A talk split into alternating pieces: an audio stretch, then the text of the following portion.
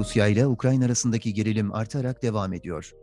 Son olarak Rusya'nın, Ukrayna'nın Donbas bölgesine asker ve mühimmat sevkiyatından sonra ABD'den, NATO'dan ve Avrupa Birliği'nden ardarda açıklamalar geldi. Gelişmeleri ve detayları bir bakışta programında Washington muhabiri Dildar Baykan'dan alacağız. Hoş geldiniz Dildar Hanım. Hoş bulduk, merhabalar. Merhaba.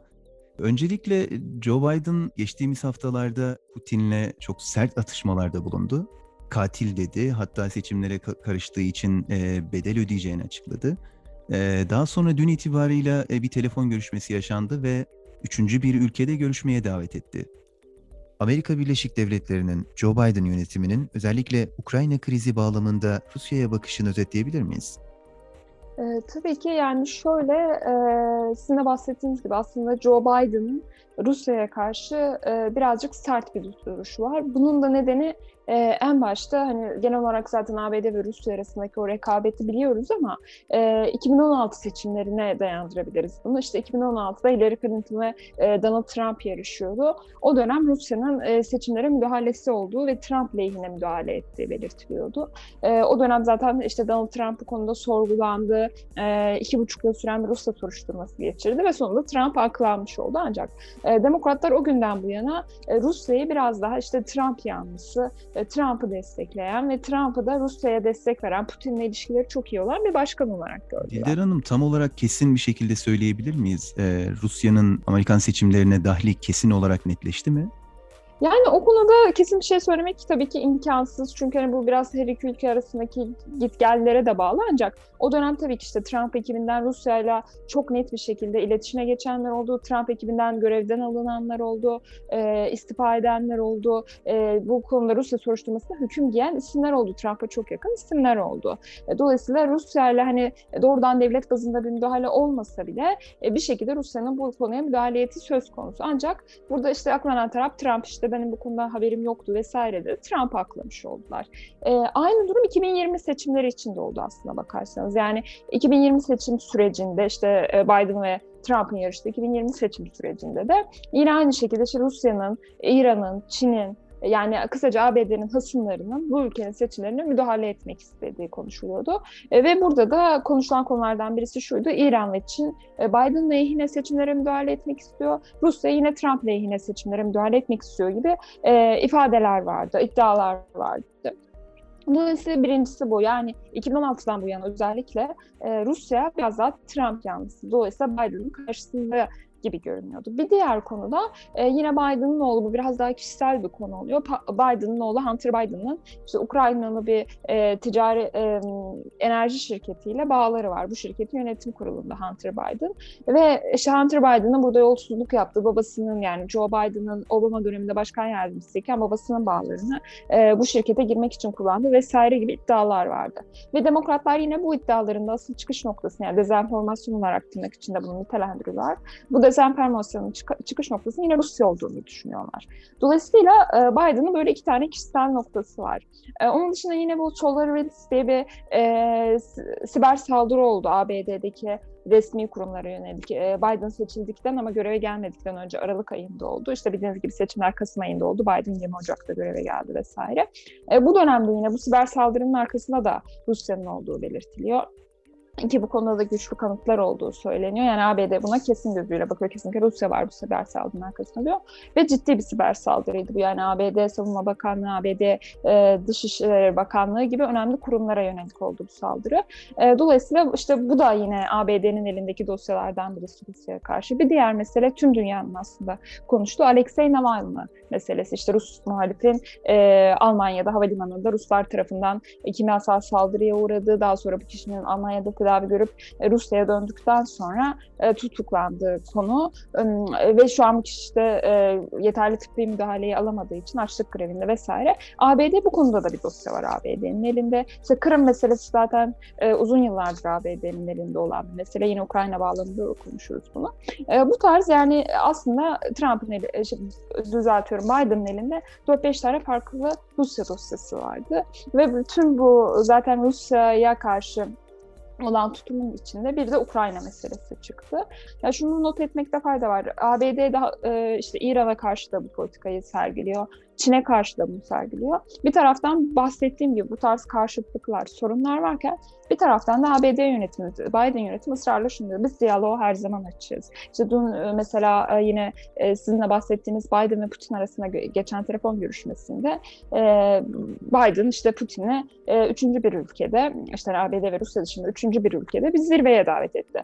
Yani aslında ABD yönetimi bir taraftan işte biz bu konularda endişeliyiz, biz bu konularda bir şeyler yapılmalı derken diğer taraftan bu diplomasi kanadını kapatmamaya çalışıyor. Bunu Aslında tam da e, Dilber Hanım tam da sormak istediğim buydu. Yani Hı-hı. bir yandan e, baktığımızda Amerika e, Birleşik Devletleri aynı zamanda e, Joe Biden yönetimi e, sert bir e, açıklama, e, sert bir giriş yaptı ama aynı zamanda da e, diyaloğa açık olduğunu e, belirtti. Biz e, hangi taraftan bakmalıyız? Bu anlamda? Yani şöyle açıkçası e, şu an Biden yönetiminde işte daha ilk 100 günü dolmadı 30 Nisan'da olacak.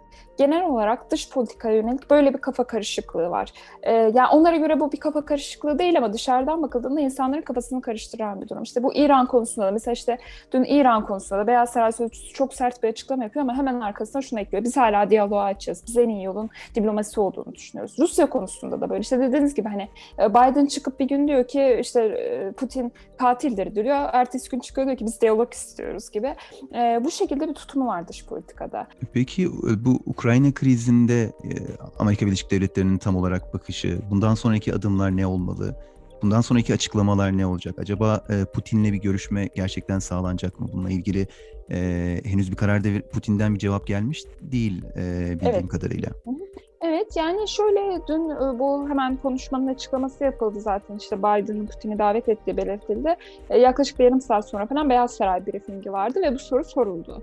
E, Beyaz Saray sözcüsü şunu dedi biz böyle bir davette bulunduk evet ama henüz bunun hazırlıkları yani bunu sağlayacak ortam çok erken aşamalarda. Yani önümüzdeki aylarda olabilecek bir görüşme dedi. Yani şu an onların da hani çok yeni alınmış bir karar anladığımız kadarıyla ve şu an o zemin ne durumda bilemiyoruz.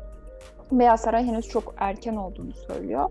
Ee, Ukrayna konusunda e, bugüne kadar yapılan en sert açıklama açıkçası pazar günü ABD Dışişleri Bakanı e, Blinken'dan geldi. Blinken bir e, canlı yayına katıldığı esnada işte Rusya pervasız ya da saldırgan bir şekilde hareket ederse Ukrayna'da bunun bedeli ve sonucu olur dedi. Yani aslında açık bir tehditte bulunmuş oldu. E, bu sonucunda ne olacağı yine Beyaz Saray sözcüsüne sıkça soruluyor. O da işte bizim bazı görünen sonuçlarımız da olacak, görünmeyen sonuçlar olacak vesaire diyor. Aslında yani dışarıdan baktığımızda, en tepeden baktığımızda ABD bu konuda tamamen Ukrayna'nın yanındaki zaten işte Biden e, Ukrayna Devlet Başkanı e, Vladimir Zelenski ile de görüştü. Ona da yine aynı şekilde biz sonuna kadar bizim desteğimiz, sarsılmaz desteğimiz size devam ediyor diyor. İşte e, Rusya'nın o e, Ukrayna sınırına yaptığı askeri yığına e, doğru bulmuyor ABD ve endişelendiriyor bu durum bizi diyor. Çünkü gerçekten 2014'ten bu yana e, yapılan en yoğun yığınak şu anda o bölgeye yapılan hem mühimmat anlamında hem asker sayısı anlamında. Dolayısıyla bu konuda ABD biraz daha Ukrayna tarafında gibi. İşte en son bir gemi gönderme meselesi vardı. Bu konuda Türkiye tarafından da e, işte Türkiye'nin de bilgilendirildiği söylendi e, vesaire. Hani gemi gönderecek ABD oraya diye. Ama bir taraftan da ABD açıkçası e, tamam hani biz Ukrayna'nın yanındayız, Rusya'nın yaptığı yanlış derken bir taraftan da e, aslında o e, mikro anlamda baktığımızda birebir bir askeri müdahalede oraya bulunmak istemiyor ABD. Çünkü işte e, iki, Kırım'da bu hataya düştü ve orada e, deyim yerindeyse bir bataklığa saplandı. Bir sonuç elde edemedi. ABD tekrar aynı yere girmek istemiyor. E, dolayısıyla mesela işte en basitten NATO e, üyeliği konuşuluyor Ukrayna'nın ki Zelenski bunu son dönemde NATO Genel Sekreteri ile yaptığı görüşmede, Kanada e, Başbakanı ile yaptığı görüşmede söyledi. Biz NATO'ya girmek istiyoruz, NATO üyesi olmak istiyoruz diye. E, ABD'ye bu sorulduğunda işte siz Ukrayna'nın NATO üyeliğine destek verir misiniz diye sorulduğunda ABD buna tanım vereceği bir karardır. Biz bunu tabii ki biliyoruz bu niyeti, destekliyoruz vesaire ama doğrudan bir destek gerçekten söz edemeyiz. Onun dışında şu an en önemli adımlardan birisi de şu anda hem ABD Savunma Bakanı e, Austin hem de Dışişleri Bakanı Blinken e, Brüksel'deler. NATO ile görüşüyorlar oradaki e, NATO içerisinde bir takım diyaloglar sürdürüyorlar bu Ukrayna meselesiyle alakalı. Zaten burada hemen hemen her gün işte Dışişlerinden, Savunma Bakanlığı'ndan, Beyaz Saray'dan Ukrayna ile, ile alakalı biz açıklamalar duyuyoruz. Dolayısıyla ABD bu konuya yakından ilgileniyor. Açıklamalar yapıyor ama fiili anlamda birebir bir müdahalede bulunmaktan da birazcık geri duruyor gibi. Ee, yani bunların tabii ki bu az önce bahsettiğim nedenler var. Bir nedeni de şu ABD artık biraz daha Orta Doğu'dan ya da Rusya'dan uzaklaşıp Hint Pasifik'e odaklanmak istiyor ki bunu hani ABD yönetimi e, açık açık söylüyor. İşte e, yine Savunma Bakanı ve Dışişleri Bakanı ilk ziyareti mesela e, Güney Kore'ye ve Güney Kore, Japonya ve Hindistan'aydı. Dolayısıyla şu an biraz ABD'nin dış politikası Hint Pasifik'e odaklandığı için ABD burada da bir cephe açmak istemiyor gibi bir durum söz konusu. İstiyor. Anladığımız kadarıyla Rusya ile istikrarlı ve öngörülebilir bir e, ilişki evet. kurmak istiyor artık.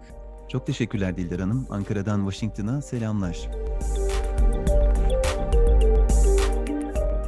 Bir bakışta burada sona erdi. Spotify, SoundCloud, Apple Podcast ve bizi hangi mecradan dinliyorsanız lütfen abone olmayı unutmayın. Hoşçakalın.